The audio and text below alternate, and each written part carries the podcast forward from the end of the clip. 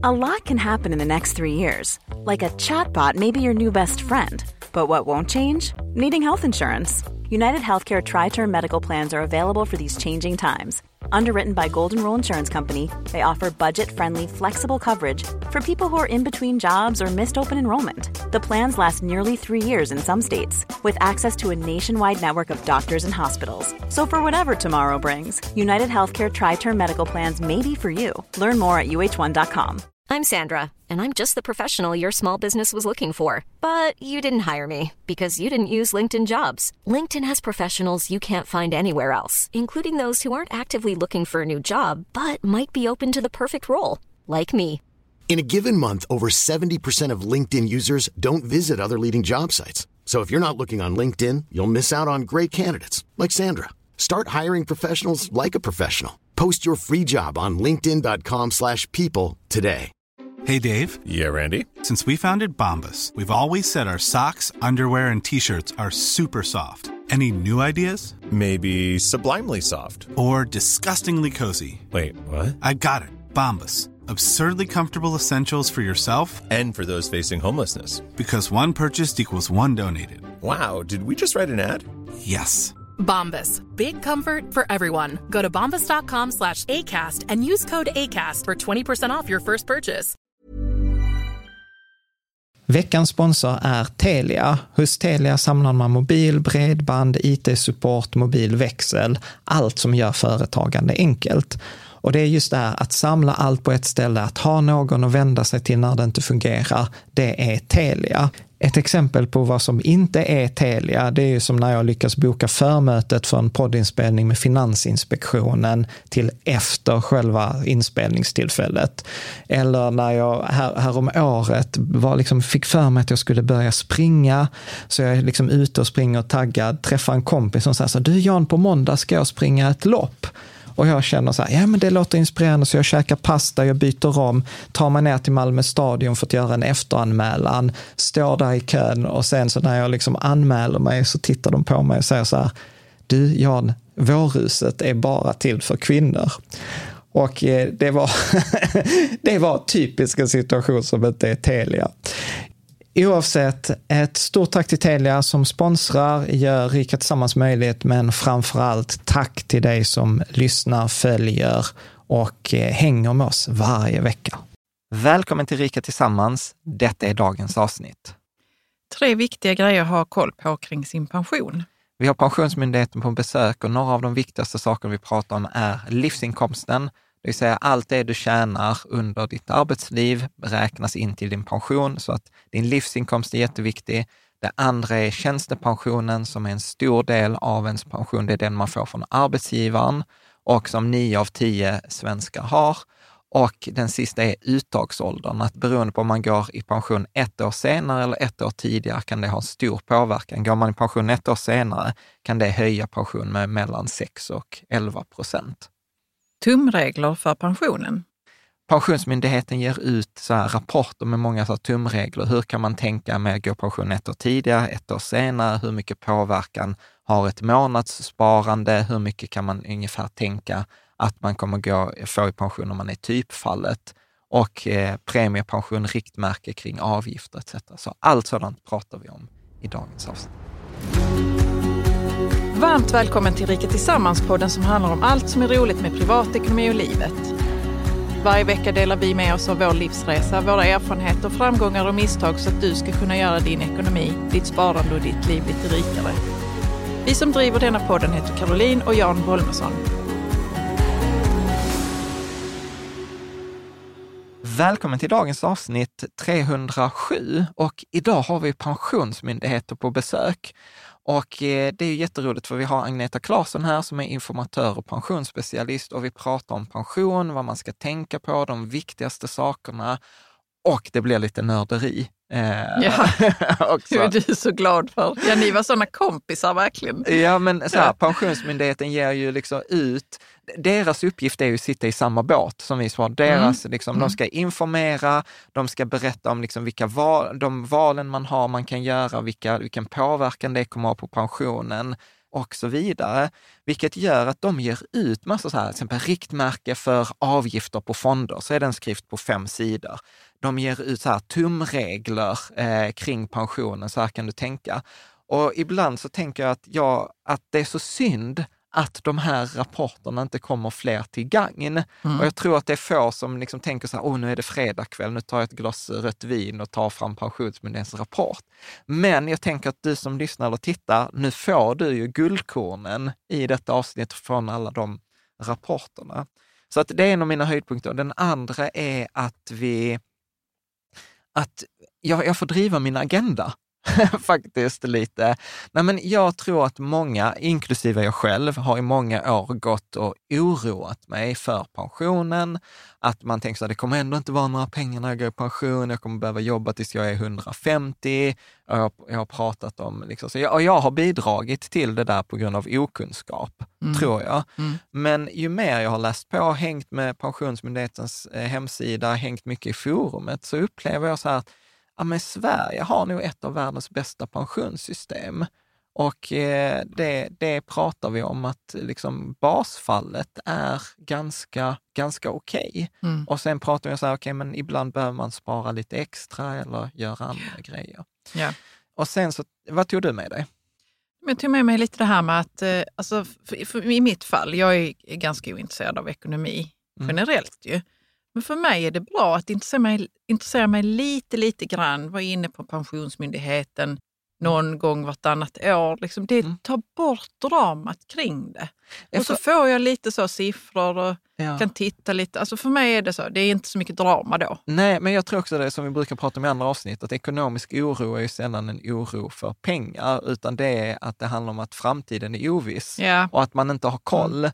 Och det vi pratar mycket om i detta målet med detta avsnittet är att man ska våga logga in. Vi till och med tar fram mitt orangea kuvert här och kollar med Agneta hur man ska tolka det. Ja. Och vi pratar om att man kan använda Pensionsmyndighetens hemsida, man kan använda minpension.se och väldigt många andra sådana saker. Sen skulle jag också faktiskt vilja ge tips. Att sen är det så här massa specialfall. Du är så här, jag är kollektivavtalsansluten, eller jag jobbar statligt, eller jag är egenföretag med enskild firma, eller jag är företag med ett aktiebolag gå till Riket Samhällsforumet. Vi har en hel kategori som heter pension mm. och där har vi alla de här diskussionerna i detalj. För när vi har det här avsnittet så pratar vi mer generellt, men det är viktigt det också. Mm. Och avslutningsvis så tänkte jag också att vi pratar mycket i avsnittet, det insåg jag först efteråt när jag satt och klippte, vi pratar mycket om så här pensionspyramiden och basplattan ja. och liksom så här. Och då är det viktigt för den som inte har sett den här bilden på Pensionsmyndighetens hemsida, så kan man säga att den svenska pensionen består av en pyramid som är uppdelad i tre delar, där liksom basen är inkomst, eh, den allmänna pensionen. Och den allmänna pensionen brukar delas upp i två, som är inkomstpension och det är premiepension.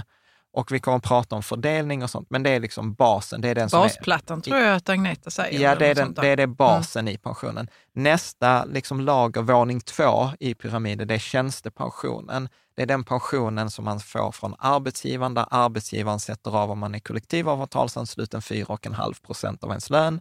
Den här inkomstpensionen, eh, det är 16 procent av ens lön som går till det och 2,5 eh, procent går till premiepensionen, upp till vissa brytgränser, men det kommer vi till. Och den översta tredje våningen i den här pensionspyramiden är det egna sparandet. Yeah. Så att det är de olika bitarna som ingår, så kan man ha det som liksom lite i bakhuvudet när man ja, hoppar in i, i avsnittet. Snyggt! Mm. Jag tänker att vi behöver inte göra det svårare än så, utan vi släpper på Agneta och så hoppas jag att eh, vi ses i forumet, att du har många frågor och kommentarer. Så tar vi liksom, får detta vara så här, nu tar jag tag i och kollar på min pension. Mm. Varmt välkommen Agneta Claesson. Du är ju informatör och pensionsspecialist på Pensionsmyndigheten, har jobbat med pension i många år. Jag tror att du sa så här att jag har jobbat pensionsmyndigheten sedan de startade. Mm. och mm. Eh, sen innan dess så jobbade du med pension på Försäkringskassan och sedan 2012 har du jobbat liksom på heltid med att åka runt, vara med i media, vara med på SVT och prata om pension. Så varmt välkommen! Tack så mycket! Jag tänker så här, jag är ju ett stort fan till Pensionsmyndigheten på, och, och, och, vissa säger så här, men Jan, det är bara något du säger. Och jag bara, nej, jag är detta på riktigt.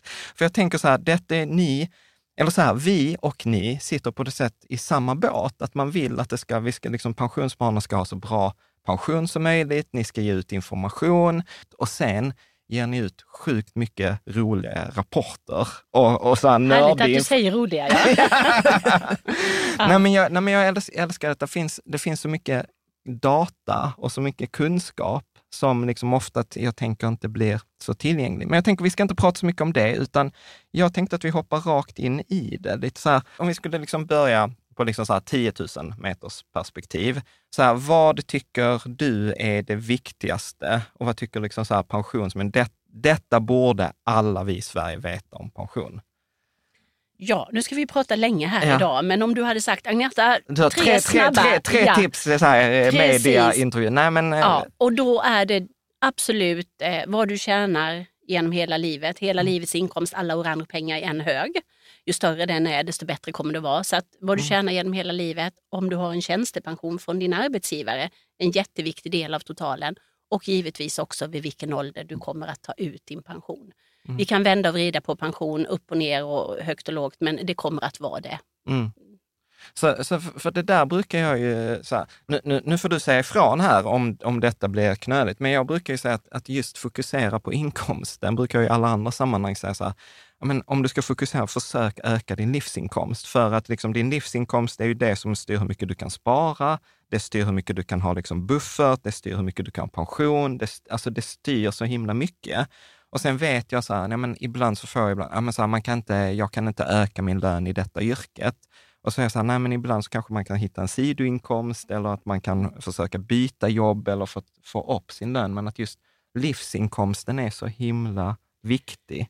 Den är jätteviktig och det är ju en anledning att man önskar att fler tänker pension när vi är yngre. Mm. För att eh, deltidsarbete är ju en stor faktor som kan sänka pensionen om vi deltidsarbetar under många år. Mm. Och eh, det gör vi kanske under småbarnsåren. Kanske det är mer eller mindre nödvändigt för att få livet att gå ihop. Och eh, jag lägger egentligen ingen värdering i det hur man väljer att göra men att man får en medvetenhet av att det är ändå livsinkomsten som kommer att påverka den allmänna pensionen är mm. en viktig faktor. Mm. Och eh, kanske kan man då jobba i större omfattning om man bara blir medveten om detta. Mm.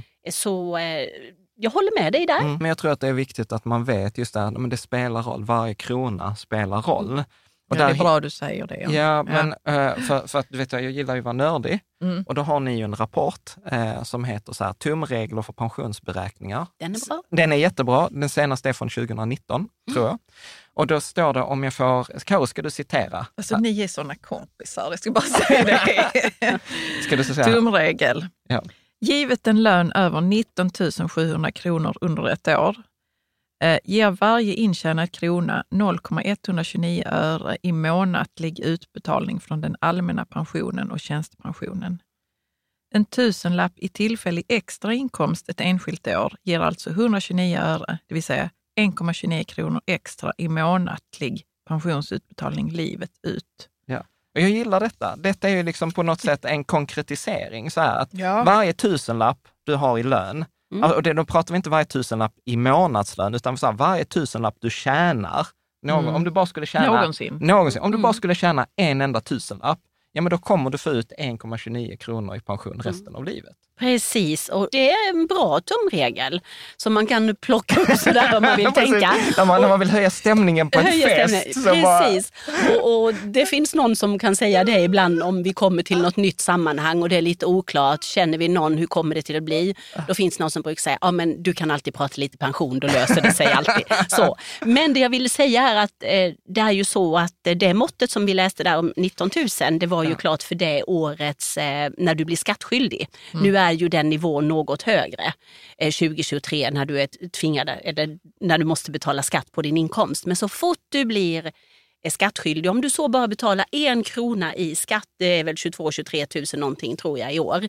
Om du så bara betalar en krona i skatt så kommer du till att få den här pensionsavsättningen som du var inne på innan, mm. de här 18,5 procenten på hela din intjänade inkomst. Så att du, du får alltså mer i eh, avsättning till din allmänna pension än vad du liksom är i närheten av att betala skatt för.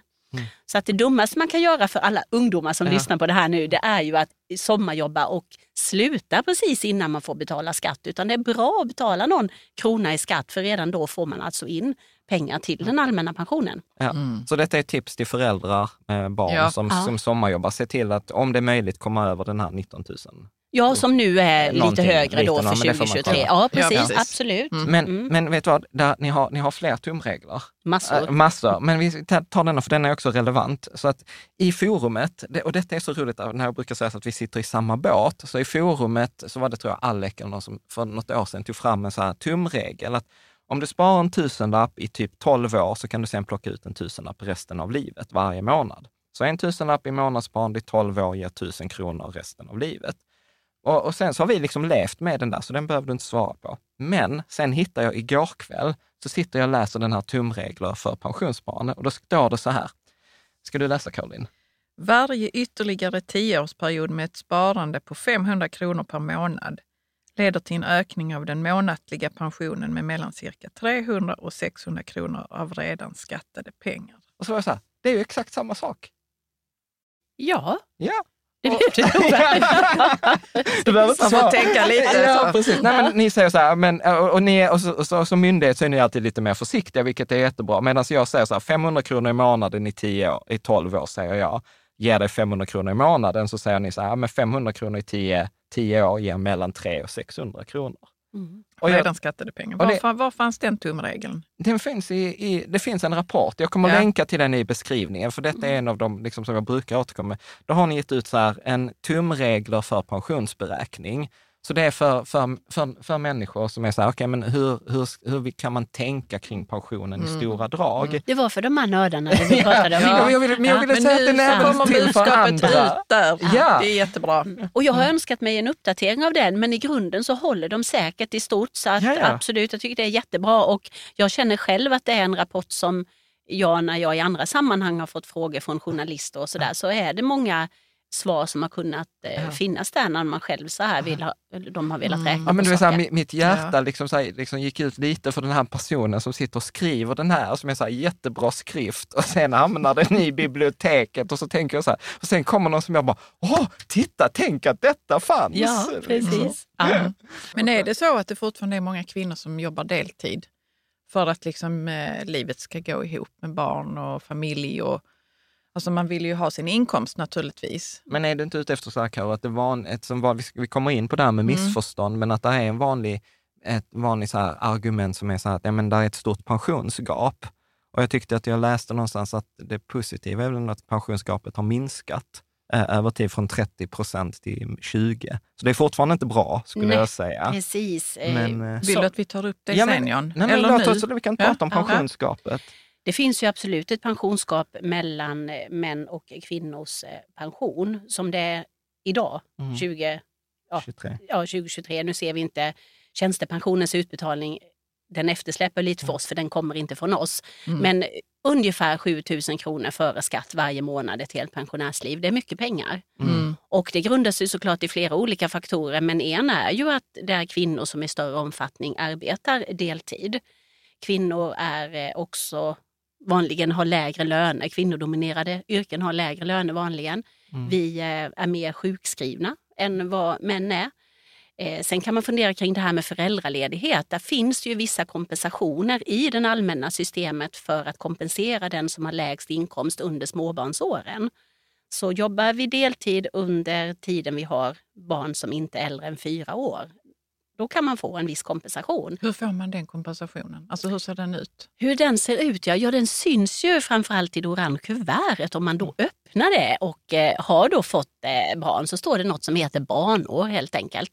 Och det finns tre olika beräkningssätt som vi använder för att eh, fastställa vilken då som blir mest förmånligast för dig. Men enkelt uttryckt så är det under barnets fyra första levnadsår som du har möjlighet att få den här om du då är den förälder som har lägst inkomst. Men sen kan man väl också flytta premiepensionsrätter, om jag inte är helt för mellan makar och registrerade partners. Precis, det, det är någonting annat. Ja, premiepensionen i bottenplattan, Ja. eh, den går ju då att lämna över lämpligen då den som har högst inkomst till den som tjänar mindre. Då. Mm. Absolut, och det är ju framtida insättningar så detta ska ju göras utav någon som har tänkt att jobba i många år. Det är inte lönt att komma, vilket händer ibland, någon man säger ja men det var något jag kunde flytta till min fru och så. Men då skulle På detta si- gjorts. de sista åren. De sista åren ja, men så har de precis sagt att de Ja, tänkte ja. gå i pension året efter Mm. eller så. Ja. så eh, Och det kan man, om jag förstår det rätt också, så kunde man styra hur lång period man vill göra det. Men det är detta året eller det löpande. Eller, att det, Ja, och jag tror att det kan ha blivit någon förändring där vilka alternativ vi erbjuder. Men det har Mm. varit så som du har sagt i alla fall. Kanske har vi ändrat det lite. Det är ju så, jag är ju inte gift, registrerad partner, så jag har aldrig sett detta i Nej. skarpt läge. Nej. Nej. Eh, Men någonting känn, eh, säger mig att det skedde någon förändring. Men, men man kan Men man kan bestämma kolla, man- själv. man kan alltid ringa och fråga, Ja, ja liksom. och kan, är man gift, eh, registrerad partner, för det är lite omodernt att det bara är det gänget som, som kan. Men logga in och se hur Ja. det ser ut för att eh, det upphör ju per automatik om vi Mm. separerar. ja. Men eh, Ja. Och där vet jag också att ibland så får vi så här frågor, men varför är det inte för sambos? Och då brukar Mm. jag säga så här, ja fast det är kanske inte så mycket Pensionsmyndighetens beslut, utan det där är ju ofta kommer från lagstiftningen och politiker. Ja, och om inte det är tydligt och klart så är det ju så. Pensionsmyndigheten, ja vi får ju göra det politikerna beslutar. Ja. Sen är vi då inte politiska och ska driva någon linje och så här, men det är klart politiska beslut är vad det är för alla myndigheter, vi måste följa dem. Ja. Men det finns ändå som ett förslag sedan flera år tillbaka som inte har hänt mer än att det är ett förslag att det skulle bli vidgade, kanske i alla fall för sambor som har gemensamma barn. Mm. Ja, att men det skulle vara precis. Bra, möjligt. ja. Ja, Mm. Men jag, precis. men, jag, men jag tänker om vi, om vi hoppar tillbaka till det här liksom det, det, det viktigaste eh, att veta. Så nu, nu tog du liksom så här den korta versionen. Om du skulle utveckla, alltså eftersom vi ändå har lite tid på oss, vad skulle du mer säga är viktigt med en livsinkomsten? Eh, Ja, då var det ju tjänstepensionen. Ja. Ja, och eh, den har ju de flesta anställda, ser vi ju, har en tjänstepension från sin arbetsgivare. Jag tror jag läste någonstans att nio av tio Ja. har och då tjänstepension. brukar man säga lite drygt 9 av 10 anställda, så någonstans får vi dela någon Ja, ja, ja, person lite ja. sådär. Men det, det är ju absolut positivt. Men det är ju också ytterligare en anledning att eh, man skapar sig uppfattning om att har jag en tjänstepension, det är ju också någonting man ska veta här och nu när livet rullar på. Mm. Allt för många tror att pension är en 60 plus-fråga, men det är klart att har jag inte en tjänstepension från min arbetsgivare, det vill jag ju veta kanske hellre när jag är 25-30 än när det är dags att plocka ut. Jobbar du inom offentlig sektor, då har du alltid tjänstepension och där har ju åldersgränserna när inbetalningar börjar, de har ju flyttats och till och med raderats ut skulle jag väl säga att då får man tjänstepension. Inom privat sektor är det ju fortfarande vissa åldersgränser. Men, Men är det, är det inte så, alltså, nu, nu kommer så här påstående, så får, du, så får du skjuta ner det eller om det är sant. Men jag tänker så här, för, för en, om vi skulle ta någon så här snittperson i Sverige som liksom så här, som jobbar antingen statligt eller jobbar inom kollektivavtalsanslutet jobb och liksom jobbar liksom över livet, så, så tänker jag så här, är det ändå inte att det är inte så mycket man behöver göra och tänka på själv, utan att jag, jag upplever att pensionssystemet är så pass väl designat och fackföreningar och, och liksom de som förhandlar kollektivavtal, de verkar ändå insatta i, i pensionen. Att då är det ändå ganska, alltså ganska bra att så här, man behöver inte vakna upp så här, shit, jag har, jag har jobbat hela mitt liv, jag har tjänstepension, jag är kollektivavtalsansluten. Det har, det har gått åt helvete. För, för det, kan- liksom, förstår du vad jag, vad jag Ja. menar? Det tycker jag är magstarkt att behöva känna och tänka så. Sen, sen brukar jag passa mig för att eh, för det finns alltid ja, specialfall värde, såklart. värdera vad, vad individen kan tycka Ja. är eh, en bra pension. Ja. Det kan man ju då få känna själv. Men precis som du är inne på, att som anställd med ett kollektivavtal så har vi per automatik att vi signerar vår deklaration en gång om året och går det in pengar till den allmänna pensionen baserad på våran inkomst, på våran lön. Och andra socialförsäkringsförmåner är ju också pensionsgrundande också, det kanske vi Ja. kommer in på sen. Och sen har du en tjänstepension som betalas in av din arbetsgivare. Det är ju de viktigaste faktorerna. Mm. Sen då om du toppar det med att göra en prognos och se vad blir det för mig, då får du verkligen svart på vitt vad är Mm. det det handlar om. Men absolut, anställd jämfört med att vara egen företagare, de bör ju tänka till lite själv Ja. för där kan det lättare gå fel. Ja, precis, för det Så där, för- jag precis. ger dig lite rätt. Ja, nej, men för jag tänker så här att, att, att bas, alltså så här, att standard, alltså basfallet är ganska gott. Vi, vi kommer in på det liksom med, med liksom missuppfattning. För, för att eh, jag upplever att en vanlig missuppfattning är ju så att jag kommer inte kunna gå i pension eller jag kommer behöva jobba tills jag är 150 och, och liksom alla de här grejerna. Och då är jag så här, fast vet du vad, så här standardfallet är ju typ att vad är det, 16 procent sätts av eh, till din inkomstpension och sen 2,5 procent går till din premiepension. Och för en snittsvensk någonstans att räkna ut, det är typ så här 5 000 spänn i månaden som sätts av. Och du vet, så här, du får, vi kommer in på det också sen, men att du får ut någonstans mellan 50 och 70 procent av din slutlön i pension. Ja, det finns ju olika beräkningar Ja. och det är ju ett eh, stort spann också. Och man får olika sätt att titta på det här med kompensationsgrad som det så tjusigt heter. Ja. Hur många procent får du i pension av din, din slutlön? Men eh, absolut, vi har ett pensionssystem som är väldigt eh, robust, stabilt. Så det här som man ofta hör, eller ibland i alla fall, att det kommer inte finnas några pengar när det är dags för mig att plocka ut. Vi har ett överskott i pensionssystemet på 1300 miljarder tror jag det är. Det är rätt mycket pengar. Och vad vi ser över tid så kommer den här utvecklingen att hålla i sig, att det blir plus i, i eh, den allmänna pensionen. Och många tjänstepensionsavtal har ju då de här 4,5 procenten i grunden har det varit under många år. Men där ser vi ju att där förhandlar ju parterna fram att det faktiskt ökar på med de där procenten. Så därav är ju tjänstepensionen också såklart superviktig då. Så, eh, och om vi då också arbetar det här förlängda arbetslivet för att Ja. vi lever längre. Det är ju också någonting som kommer till att höja vilken nivå vi kommer till att få i pension. Ja. För jag tycker det är synd när det i media ibland låter som att pensionen bara står Alla och kommer, bli, alla kommer bli fattigpensionärer, Precis. du kommer behöva jobba tills du är Ja, hundra. men det är den storyn vi Ja, Men och jag- att, ja, förlåt. Ja, ja, nej, men, eh, Ja, men att Mm. pensionen bara står och sjunker av sig själv. Men det är ju Mm. att den ska räcka fler år än tidigare, fler månader och år. Mm. Och då är det ganska enkel matematik om den här påsen är precis lika stor som för tidigare generationer men den ska räcka i fler månader och år. Då måste månadsbeloppet bli lägre. Så därför är det inte eh, så konstigt med, med konstruktionen i systemet att vi behöver putta in mer pengar och också skjuta Mm. på uttagstiden. Och då kommer vi till att kunna ha enligt både lagstiftarens mått och kanske någon allmän bedömning helt okej pensionsnivå. Mm. Förlåt, Ja. Du får Ja. hoppa in. Du får Ja. bara säga så, Mm. så här, för jag har, jag, har en, jag har en dold agenda här, vet du, som jag driver, jag driver Brukar poäng. ha det? Ja, ja, ibland. Nej, ibland. Nej, men så här, min, vad, vad jag, jag tycker att det svenska pensionssystemet får ibland oförtjänt mycket kritik. När jag tittar så här, när man jämför med andra länder så upplever jag här, vi har ett av de bästa pensionssystemen i världen. Det är liksom, basfallet är bra, det är finansierat, detta som du säger, att pensionssystemet i Sverige plus.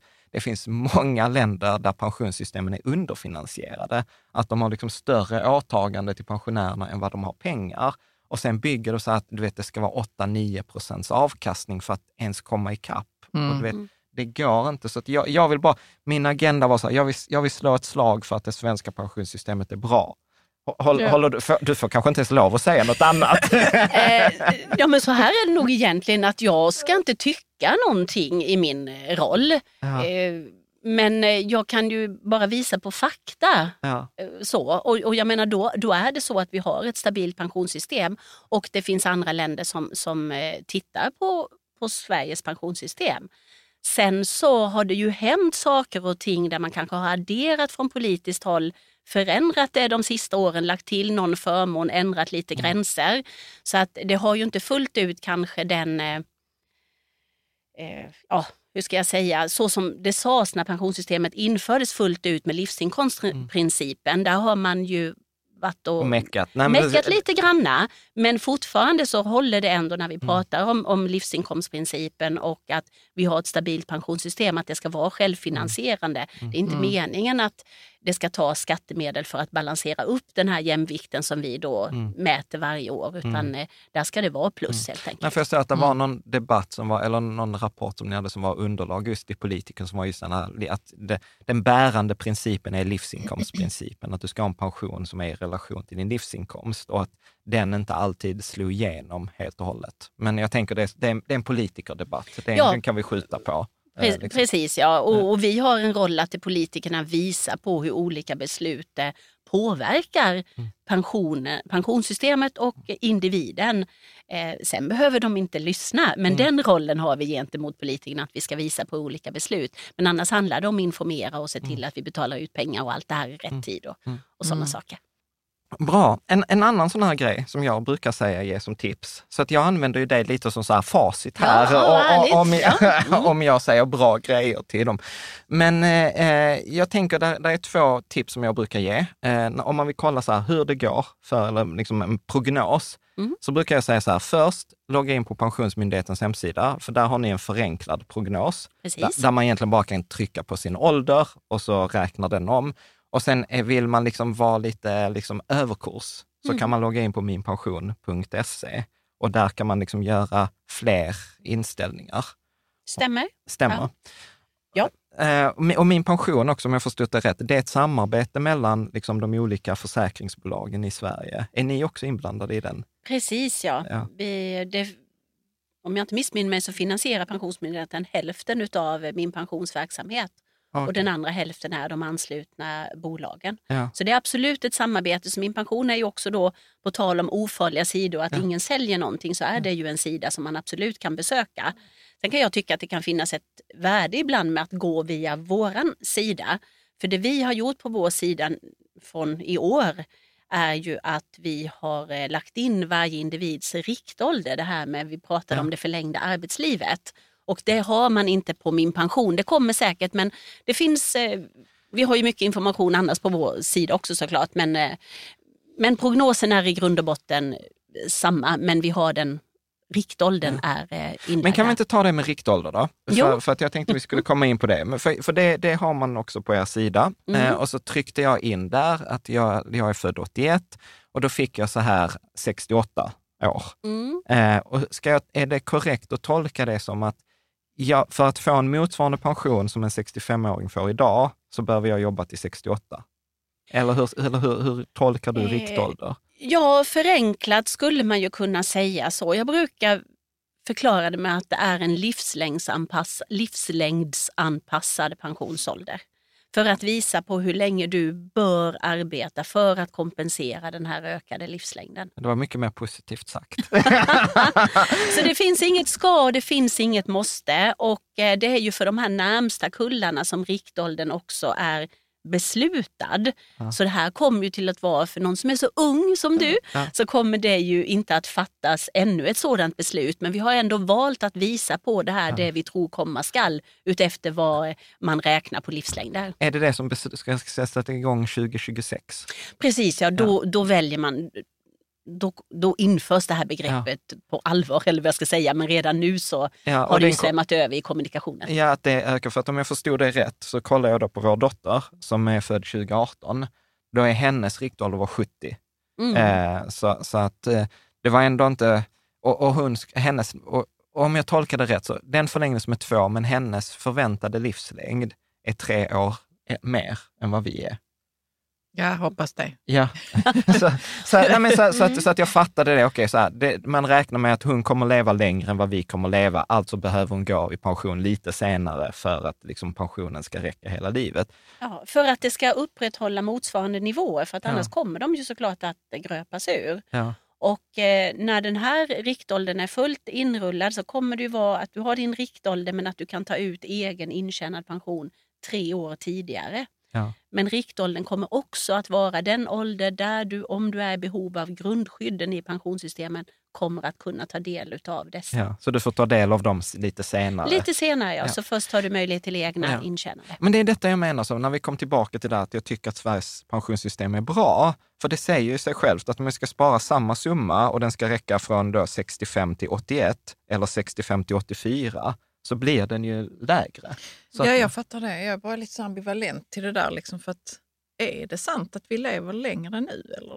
Ja, Eller, ja, ja, men det är bara att kolla Caroline. Du, du, Ja, du men som det är... kommer sådana generationer nu som typ lever kortare tid än sina föräldrar. Nej, Caroline, nej, och så. tvärtom. Nej. Jag pratar ju, Nej, jag pratar jag är- med, jag- jag- alltså, så på nätet, så jag har ju pratat med läkare som tycker som, sånt här är spännande. De säger så här, Jan, se till att överleva de kommande tio åren, för att om tio år så tror man att man med teknik kommer ha ännu längre livslängd. Ja, det är vad, eh, medicinfakta här mitt i Ja, ja, ja, precis. Men det Och är härligt. Mm. Men det är ju precis det du är på kanske lite grann det här att vi pratar ju om genomsnittlig livslängd. Mm. Så på individnivå så kommer det ju såklart att kunna se annorlunda ut. Och jag eh, inser och är väldigt ödmjuk för, jag möter både yngre men många blivande pensionärer som inte är så långt ifrån ett pensionsuttag som tycker ju då är med riktålder att det känns svårt och, eh, och kunna tänka sig det här förlängda arbetslivet. Så, eh, men, men det är på genomsnittet som gör att det här Ja. förändringarna sker. Men skulle det givetvis bli så att vi slutar att leva längre, Ja. medellivslängden inte ökar, det är klart att då kommer ju heller inte att riktåldern att bara höjas, det utan det man. kommer ju till att Mm. vara anpassningsbart. Men jag tycker att det var intressant det du säger att du har tittat att det var inte så stor skillnad ändå mellan Nej, dig nej, och din nej. dotter. Nej, och det, är- vi är så här, jag är född 81, hon är född 2018 och det diffade två år. Precis. Och om jag har en riktålder också på 68, om jag tittar på eh, min dotter som är född 92 så har hon 69. Ja. Och det tycker jag är viktigt att ta det med sig för att det är ju de här snabba höjningarna som har varit nu de senaste åren där 61 har blivit 62, 62 har blivit 63 med lägsta uttagsåldern och så har vi då riktåldern som ligger några år därefter. Som lite har gett en signal av att eh, det är fara på färde. Men det kanske är snarare så att politikerna har varit något sena på den här pucken att börja höja. Eh, Så att det skapar kanske onödig oro att man tänker just att det ska bli 75 och 80 och allt. eh, Ja, ja. men det, roligaste det är var, bra det, du säger det. det roligaste Mm. var det och sa, jag kommer behöva jobba tills jag är 150. Ja, good for you om du lever så länge. 120 Ja, men är människans maxålder. Men, men du, en, en annan grej, jag vet inte om du får lov att svara på det här, men en annan grej som jag brukar säga är ju att den som är liksom lat, passiv, oengagerad och ointresserad, det är ju den som enligt forskningen får bäst resultat. Så därför brukar jag, när folk säger så här, äh, jag har ångest, jag har inte gjort något val i min premiepension, så är jag så här, Gud, grattis, gör ingenting, utan, utan återigen basfallet, liksom så här, eh, det finns människor som vill vara aktiva etc. Men om vi tar basfallet igen, där jag tror det var så här fyra miljoner svenskar har, ligger i den här AP7-SOFA, så har ju den i, liksom bara rent faktamässigt i median haft en betydligt bättre avkastning än liksom de privata eller fondrörelsen Mm. i Så det där. kan du bara säga något om AP7? Så Ja, det men, finns nog de som aldrig har lyssnat på vår podd men som tänker så, pension, jag ska Ja, lyssna ja på men det. bra, men äh, gud, det blir nästan så här prestationsångest. Men du får, du får rätta, du får facit här. Ja. Men, men så här, pensionen består väl av fyra delar. Den består av det liksom allmänna pensionen som man delar upp i inkomstpension och premiepension. Och det är de här 18,5 procenten av lönen, varav 16 procent går till inkomstpension, 2,5 procent till premiepension. Per år. Per år. Mm. Det är, ja, bra. Vi deklarerar en gång om året så då kommer det en hög med pengar. Ja. Exakt. Bra. Och den eh, inkomstpensionen kan du inte göra någonting med, utan du kan liksom, men i premiepension, de här 2,5 procenten av lönen, ja, de kan du liksom placera, de, de kan du styra över själv. Och om man inte har gjort något val, då får man det statliga förvalsalternativet som heter AP7 SOFA, Precis. statens Ja. årskuldsförvaltningsalternativ. Ja, upp! Det var- Jag nu precis. för- förvånad över Ja, vad hans hjärna kan plocka upp. Ja, men precis. Nej, och har man, den har i snitt, jag tror av de senaste 16 åren, så i 12 av dem har den haft en bättre årlig avkastning. Och tittar man på liksom hela perioden så har, tror jag AP7 avkastat 510 procent per 31 mars och de andra typ 198 eller 298. Ja. Så det är en ganska stor Ganska skillnad. stor skillnad. Så, och min poäng är, Ja. jag behöver inte ge någon rekommendation, utan det enda jag säger så här, om man inte har gjort något val så tycker jag att istället för att man går och har ångest så kan man gå och köpa en flaska champagne och fira. Ja, det här tycker jag inte är så problematiskt för att eh, in, informera och hålla sig till fakta. Det, det är verkligen det vi ska göra på Pensionsmyndigheten. Och där är vi också tydliga med att det är helt okej att inte välja. Ja. Och, och det tycker jag är lite sorgligt när man träffar någon som säger så här, ah, men jag borde välja eh, något. Och jag bara, nej! Alltså Men välja, man välja vet- något annat än AP7 Ja. SOFA då. Liksom, Ja, för att men- lägga sina pengar i. Precis, men jag känner också att när de säger så så vet de ändå inte riktigt var någonstans de är i pyramiden, Ja. vad vi pratar om, utan de har bara en känsla av att de har missat att göra Alltså, jag någonting. borde ha varit Borde där. ha gjort något, Ja. för man pratar väldigt mycket om att välja. Ja. Eh, Och eh, precis som du säger, AP7 Sofa har ju levererat helt okej. Eh, Och där har ju vi också en låg avgift i AP7 Sofa. Så för den som har känt att Jag, jag vill inte, jag kan inte, jag är ointresserad. Jag fick inte för så länge sedan en fråga från en kvinna som definitivt var jämngammal med mig. Hon ville då ha hjälp med att välja. Mm. Och, och sån hjälp ger inte vi och jag sa jag kan inte heller sia om framtiden. Men är man väl vuxen, 50 Mm. plus och man ställer en sån fråga, jag vill ha hjälp med att välja fonder.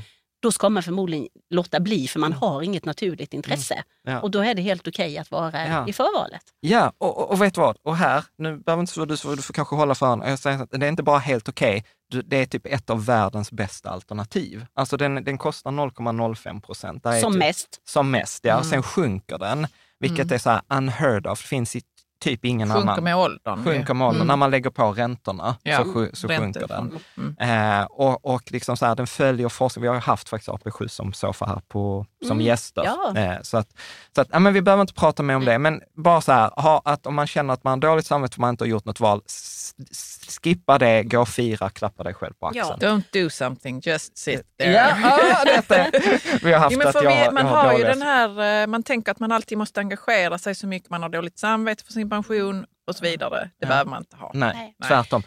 Ja, säg. Ja, det jag skulle säga var ju att det går ju att välja förvalet igen om man skulle vilja det och det är ju kostnadsfritt. Och skulle man fundera på men vad har jag för fond? Jag vet inte för det är ju heller inte helt ovanligt. Dels står det i orange kuvertet som Mm. vi nu fick i, i februari, mars eller så loggar man ju såklart in på Pensionsmyndighetens eh, sida.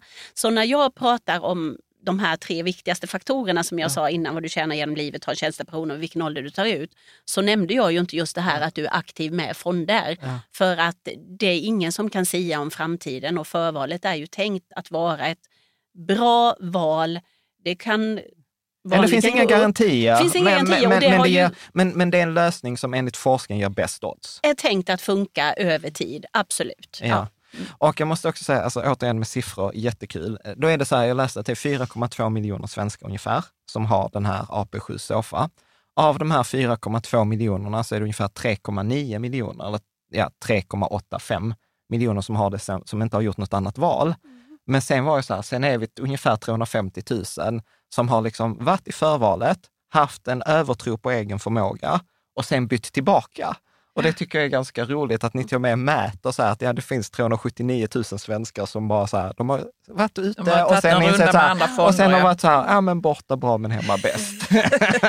Ja, och där ser vi ju för att eh, även om alla fonder på premiepensionstorget, de är ju, det är lägre avgifter där än vad det är på Mm. öppna marknaden. AP7 Sofa finns ju också bara i, den finns ju bara i premiepensionssystemet. Tyvärr. Men där ser vi ju också att eh, dyrare fonder är ju inte per automatik de som avkastar bäst.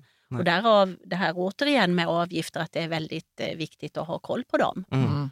Och där, där ska man också, och det där var ju också en sån grej som jag upptäckte först nu. Alltså då har jag ändå liksom gillat och följt det ganska länge, men jag upptäckte inte förrän nu researchen till dagens avsnitt att ja, men ni har ju lagt ett tak på 0,68 på aktiefonder, 0,35 på räntefonder och typ 0,40 på blandfonder eller vad det var. Vilket jag Ja. tycker också så här, avgift, ja. Ja, och, det, avgift. och, och för att sätta det i relation, det är liksom hälften mot vad de kostar utanför pensionssystemet. Mm. Och, det, det, och då kan man tycka så här, men så här 0,5 procent, vad spelar det för roll? Jo, men då såg jag också att förra fredagen, 5 maj här 2023, men då sattes det in 6 292 miljoner kronor som var så här fondavgifter som bara betalades tillbaka in i pensionssystemet. Och jag så här, det är ju skitkul. Du vet, här, pengar, ja. Hoppas Mm. att den person som förhandlade hos er fick en fredagskaka.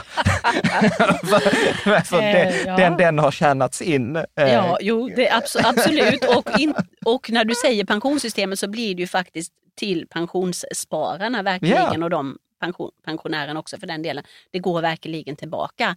Och eh, visst, det finns ett maxtak i premiepensionssystemet, men när vi ändå pratar avgifter, när vi ändå på något sätt vill ge någon typ av riktmärke vad man ska betala, Eh, Vi pratar ju även om, vi pratar om hela den här pyramiden på Pensionsmyndigheten och har olika inspel. Men om vi pratar uppe på, på toppen där det kan kosta hur mycket som helst eget sparande, då har vi ju sagt att 0,2 procent där någonstans bör du hålla dig i en global eh, aktieindexfond. För över det så ser vi att den här avgiften verkligen gröper ur över tid. Ja. Och där hade vi 0,4 för ett par år sedan men vi har alltså halverat den För vi ser att avgiften har en så stor eh, betydelse. Mm.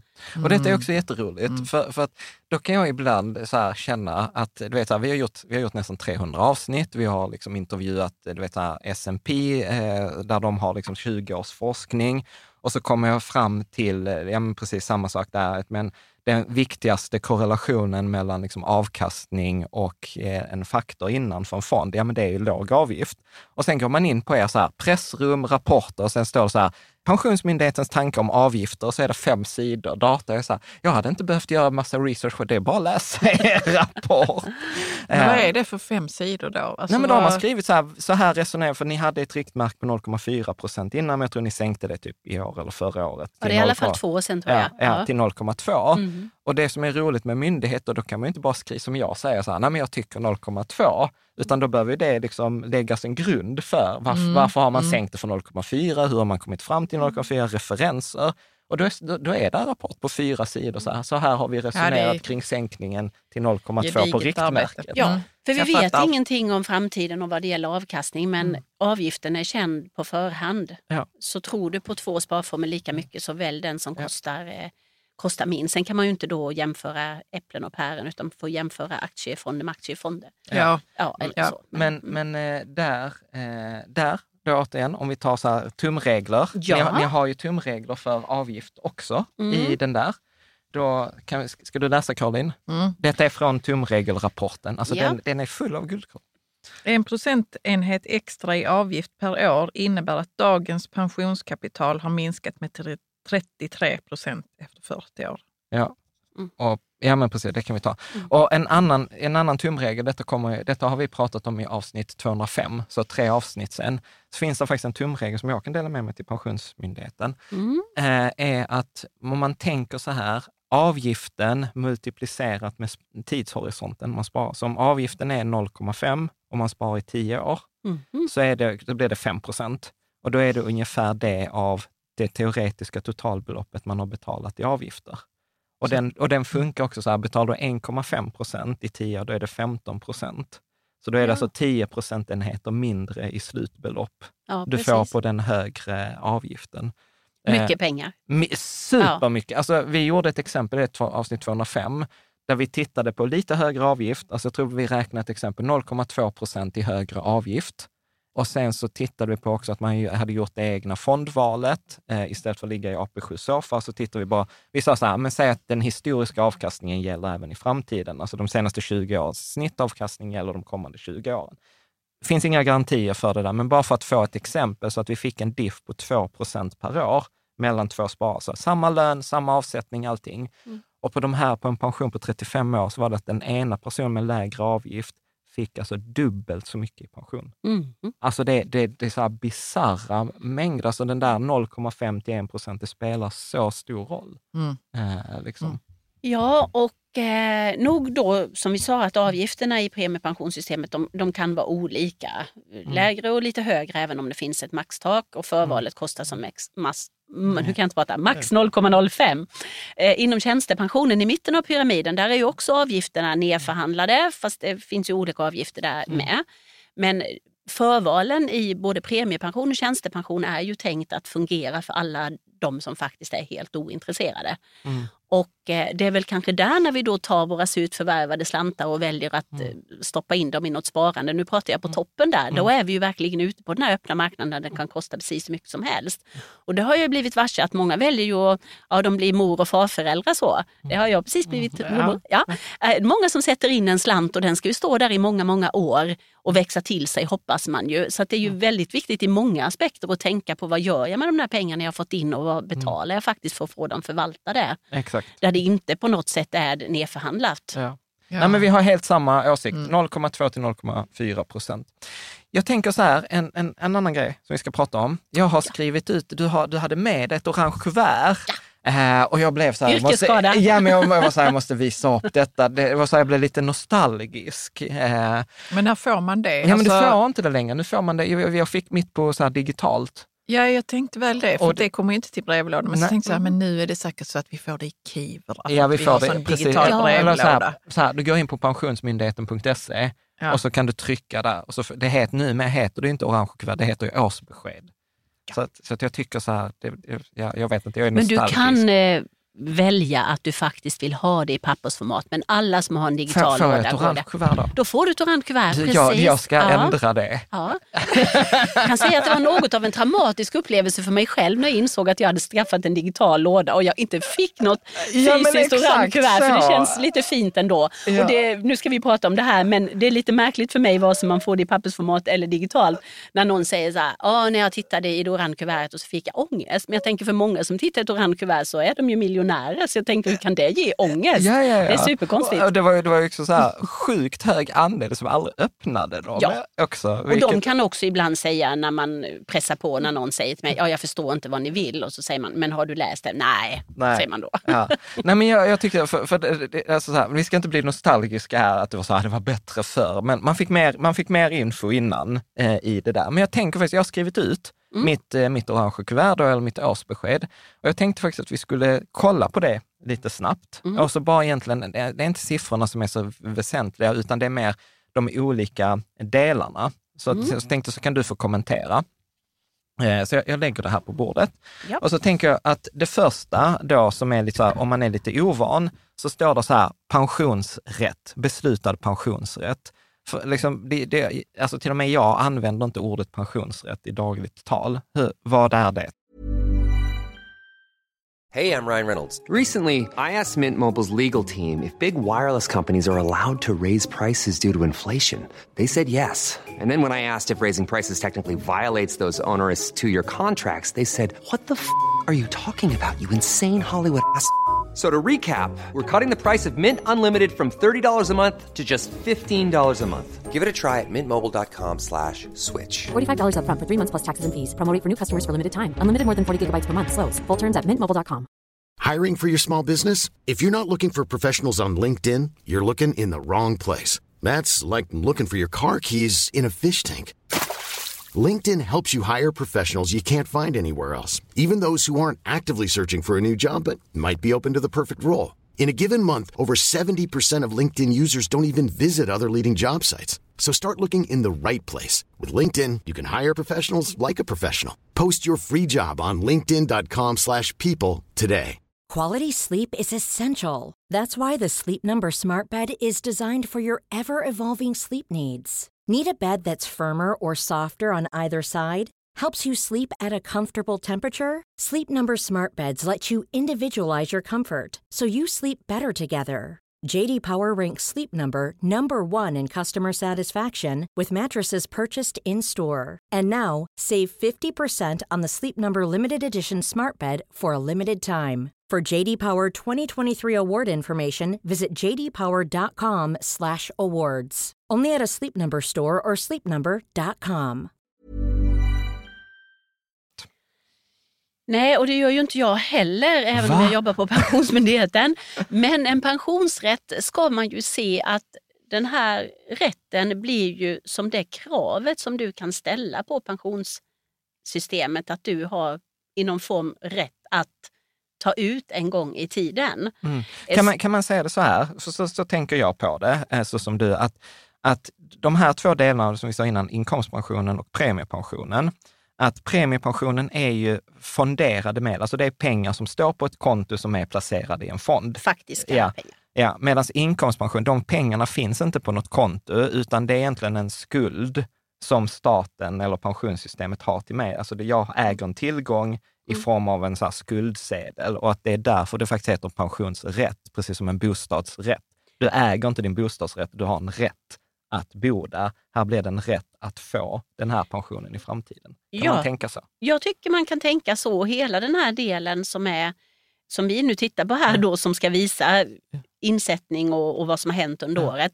Ser det lite som ett vanligt eh, bankutdrag. Ja. Vad hade jag när året, det ena året var slut? Vad har hänt och vad har jag kvar när det andra året är eh, det andra året har gått och då är ju som sagt vad vi har ett ingående värde och sen har vi den här raden som du då säger med beslutad pensionsrätt. Så i inkomstpensionssystemet så är det ju någon typ av fiktiv pensionsrätt. Mm. Det är mer ett belopp som skrivs upp att det här har vi Ja, men det är vad jag har in. rätt ja, till. Precis. Ja. Och ehm, Ja, och jag tänkte Ja. så här, här, här i mitt fall, jag har en hög lön, så jag, jag, jag har för lön på 50 000, så jag har en pensionsrätt här på 80 000. Men jag tog faktiskt fram snittsiffror. Och det är inte jag som räknat, utan då har ni en, återigen en rapport som heter Pensionssystemet i bilder och grafer. Den, he, den heter på riktigt så, i bilder Ja, ja. och grafer. Mm. Och då sa jag att snittsiffran var i Sverige 59 400 för 2021. Och det där är också lite klurigt. Det, det hade vi med Skatteverket också. Att, eh, detta är ju siffror för 2021 eftersom jag har inte deklarerat för mina inkomster för 2022. Det gör jag i år, 2023. Ja, det har vi precis gjort nu. Ja, Ja. Så att därför blir det, detta är mitt årsbesked för 2022 och årsbeskedet på 2022 baseras på 2021. ja, det är två års eftersläpning. Ja, Så det vi nu tjänar, det vi tjänar i år, 2023. ja, deklarerar vi i 2024 2024. och det kommer då bli ett orange kuvert 2025. Exakt. Mm. Så, att, så det är också så här, för, för till och med jag blev lurad igår och var så här, vänta, är jag nu på den mest aktuella? Men, men det var jag. Ja, Men då är liksom snittet i Sverige är 59 400. mm, det känner jag igen. Och Mm. det fördelas då att pensionsrätten 5 000 51 500 Vänta, vad var snittet på vad? Snittet, så, så den här pensionsrätt, så hur mycket, Ja. hur mycket har jag rätt att liksom kräva på pensionssystemet? För, för en snittsvensk så är det 59 400 och sen är de 59 400 fördelade på den här inkomstpensionen och premiepensionen. Så inkomstpension 51 500 och 7 900 till premiepensionen. Mm. Hänger, du, ser, du ser väldigt frågskeptisk Nej, det ut. känns som att du pratar om någon slags lön som man liksom har betalat in på något vis. Eller vad, Ja, men vad är är det för precis- siffror vi Jo, men- pratar om? ja, men- Hur skulle- kan det vara ett snitt? Ja, men nu, 57 000?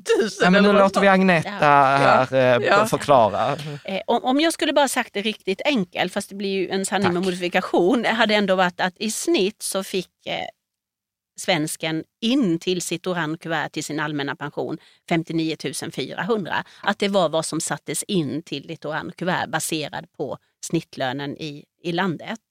Men sen kan vi då, beroende på vilken inkomst vi har fått in mer eller mindre. Det finns ju ett maxtak också i den allmänna pensionen. Kommer du över en viss lön så får du inte avsättning på den överstigande inkomsten. Precis, Men- och, det, förlåt, och det Mm. taket går 2023 går det på ungefär 49, Det- 49 000, 50 000. Ja, på en årsbasis är det precis under 600 000.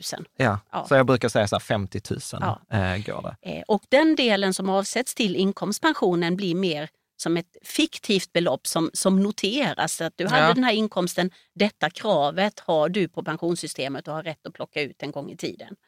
Eh, Och det som sattes in till premiepensionen är då faktiska pengar. Mm. Men eh, även om vi har den här pensionsrätten så är vi ju då en mindre del i det här slutna stora pensionssystemet. Så varje år väger vi ju tillgångar mot skulder i pensionssystemet men där ser vi ju nu att vi har ett stort överskott. Eh, visst, något år har det då hänt att det har varit på andra hållet. Mm. Men eh, tanken är ju det här att de här pensionsrätterna ska vara det vi kan kräva ut en gång i tiden. Hänger Ja. med? Och, Ja, jag och, hänger och, med. och de där 59 400, det är summan av de här 18,5 procenten av din lön. Mm. Upp till då 50 000 i månaden. Efter 50 000 i månaden så får du ingen extra avsättning för de här pensionsrätterna. Vilket egentligen bara så här sidospår.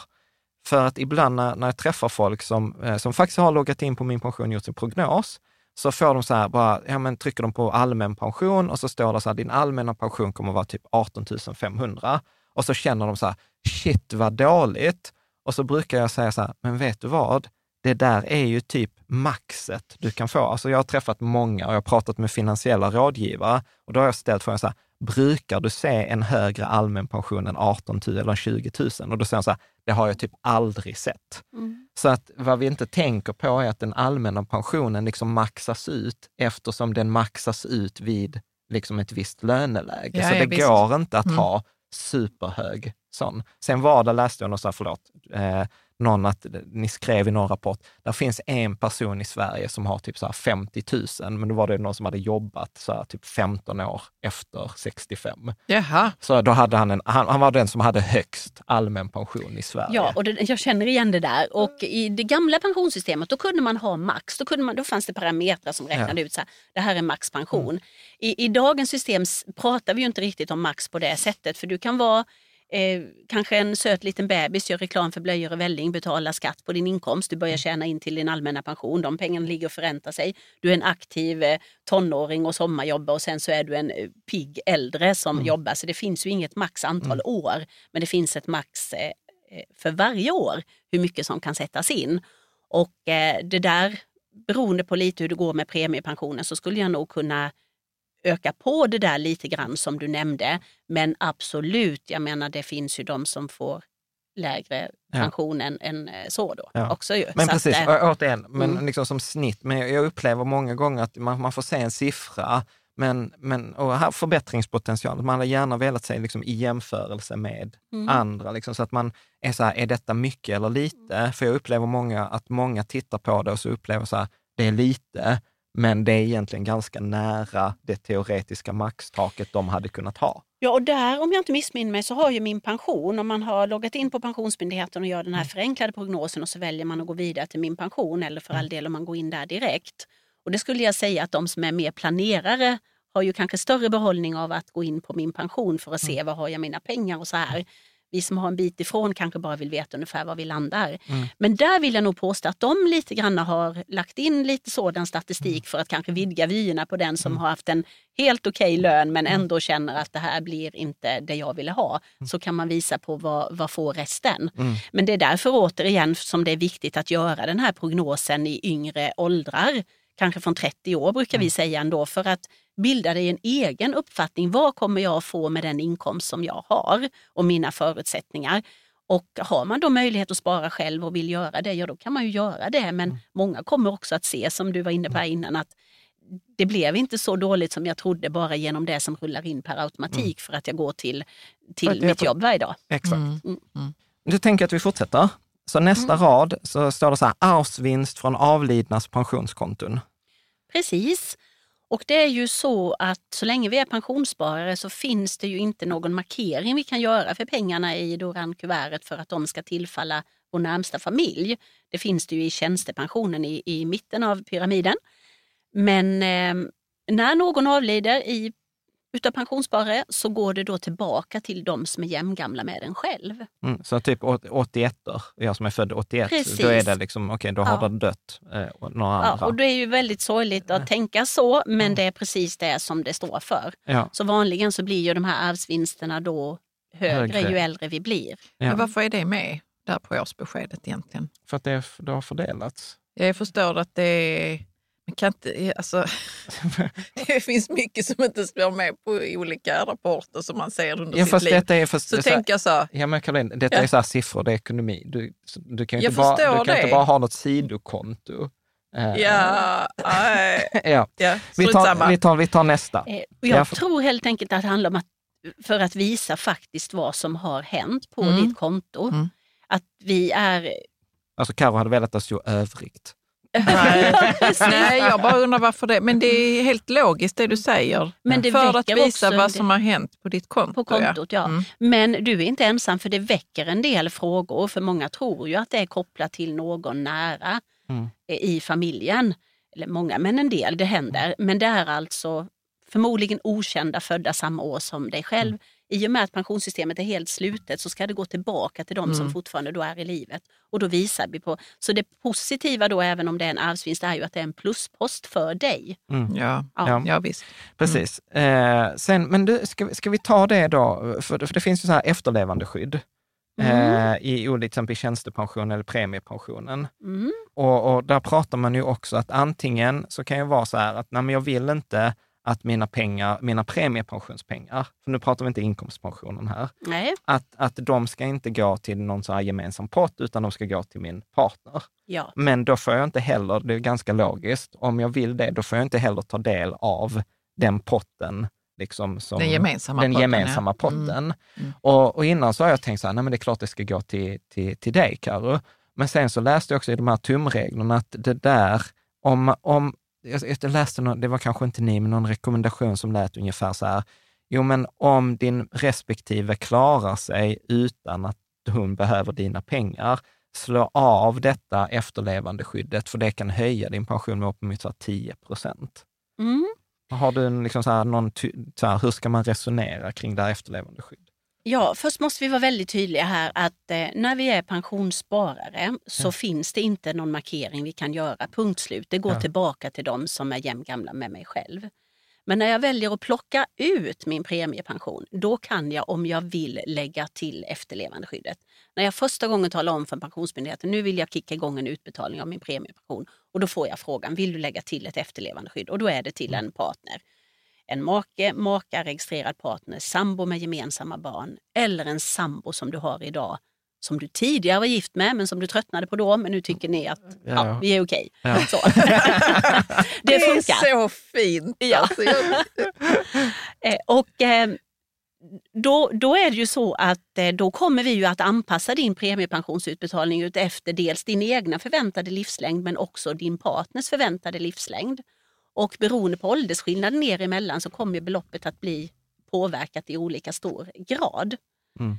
Och här brukar jag vara väldigt tydlig för att om du lägger till den här markeringen när du väl plockar ut så kan du inte bara ångra den utan då måste man separera helt enkelt för att kunna få bort den. Så det är lite oåterkalleligt. Ja. Sådär, Mhm. med lite, ja. Men eh, de flesta parrelationer, absolut inte alla, men de flesta består ju av en man och en kvinna. Mm. Vem har vanligen haft den lägsta inkomsten av de två? ja, tyvärr kvinnan. Ja. Vem får då lägst pension?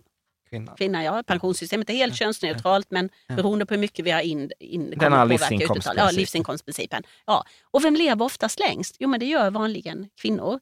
Så de flesta kvinnor som gör en markering för efterlevandeskyddet i premiepensionen gör det till förmån för en man som har högre pension och en man hon lever över. Mm. Eh, Som jag det- sa innan, jag får inte råda jag får inte tycka, men jag ja, får, hon eh, får inte säga det. Men, nej, ja, men man kan... ja, Ja. jag får kan informera tycka, ty- jag får informera tydligt brukar jag säga. Ja, men det är jättebra att precis. du gör Ja. det. Ja. Men, men vi ska inte blanda ihop det med återbetalningsskydd som jag brukar kalla det i tjänstepensionen. Mm. Nu har vi hoppat upp i pyramiden, Ja. nu är vi i mitten. Där kan du ha det här skyddet under hela din sparande tid. Mm. Eh, jobbar du inom kommun och region så sitter det där krysset förval. Till exempel i andra avtal så får du själv lägga till det. Men eh, då händer det ju också precis det som du började med, att man ska ju verkligen fundera på att behöver min närmsta familj de här pengarna ifall jag dör? Eller ska jag då ta del av arvsvinsten när andra dör som inte heller har markerat för ett återbetalningsskydd? Mm. Och där kan det skilja beroende på hur många andra som inte heller har markerat och hur mycket kapital du har och sådana saker. Så där är ju ytterligare en anledning till att det här yngre gänget ska tänka kring pension. Behöver jag Mm. ha det här? Vill Mm. jag ha det? Och så. Mm. Alltså man får kolla upp det, men, men jag, jag vet att det för första gången jag läste så noterade jag så att det var förvånansvärt stor skillnad. Att jag, jag trodde att det var så här, ja men det spelar inte så stor roll. Nej. Och jag var så här, det spelar roll. Mm. Det spelar roll. Ja, Det spelar roll. Sen kan det också vara att det spelar stor roll för den som blir kvar i Ja. livet att faktiskt också ta emot pengarna. Ja. Så det spelar roll, men att man då kanske funderar kring att eh, är det faktiskt den som kanske då tjänar mest i familjen som har gjort den här markeringen för återbetalningsskydd? Och inte kanske den som tjänade minst, för de har inte pratat om det. Så att det spelar roll, ha en bra diskussion och fundera kring det där och, och att inte bara låta saker bli lite hipp som happ. Ja. Sådär. Ja, men precis. Bra, sen nästa rad så har vi så här värdeförändring. Och eh, du, när vi kommer in på värdeförändring, för det är ju så här, hur mycket har liksom det förvaltats, ökat eller minskat i värde, eller hur? Ja. Och inkomstpensionen kan ju inte påverka. Är det den som de här olika allmänna pensionsfonderna, AP-fonderna, förvaltar? Precis, till viss del så finns ju inkomstpensionen då i eh, AP-fonderna. Men en stor del utav det som eh, är inkomstpension, när det betalas in skatter och avgifter varje månad från de som förvärvsarbetar så går det ju också ut till dagens pensionärer. Så det här var ju mer den här fiktiva delen. Ja. Men eh, det är ju just inkom Inkomstpensionens uppräkning är ju just det här som jag innan sa, vi väger tillgångar mot skulder. Mm. Ja. Och när tillgångarna väger mera, och det Mm. gör de rejält nu, så blir det också en uppräkning. Ja, Mm. ja men jättebra. Precis. Och där tänkte jag också, jag vet inte om du vet svaret på det här, men till exempel i min pension, eh, eh, så när den räknar på så värdeförändring så räknar den på 1,9 procent. Eh, och ett, jag tolkar att det är real avkastning, alltså det är efter inflation som man ska kunna mäta över år. Men många, inklusive jag har ibland så här tänkt så här, det var ganska lågt. Alltså så här, om man tittar på historisk avkastning för till exempel aktier eller sådant. Ja, nu ska vi se här om jag kan eh, hålla vad säger man? Tungan, är, rätt i mun. Ja, Tungan är rätt mun. Precis, det var det jag skulle passa mig för att inte säga, för jag brukar dra det skämtet ibland, tungan i rätt mun. Eh, ja. Det är någonting vi kallar överavkastning, så att det är baserat på andra antaganden, vissa reala, andra nominella. Och så har man då valt att lägga de här 1,9 för att eh, vi ska också få en prognos i dagens penningvärde. Det är det Mm. vi vill åt. Så jag vet att man i den här simulatorn på min pension kan ändra den. Mm. Men vår rekommendation, min pensionsrekommendation är att inte göra det. Mm. Och det handlar just om att du vill ha åt den här prognosen i dagens penningvärde.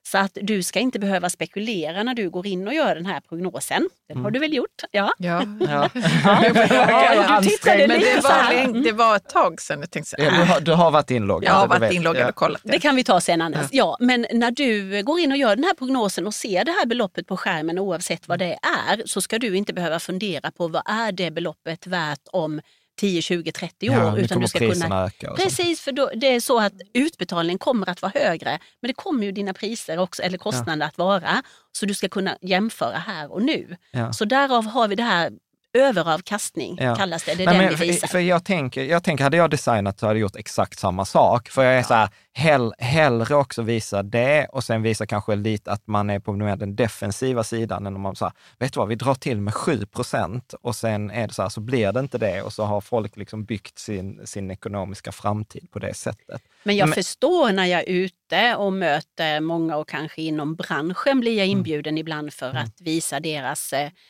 pensionsrådgivare. De får Mm. ge råd ibland, de, så ja. de kallas så. Men eh, att man har inte riktigt knäckt den koden utan de tycker också det är väldigt snålt med 1,9. Men Mm. jag försöker verkligen vara tydlig med det, varför vi ska använda det.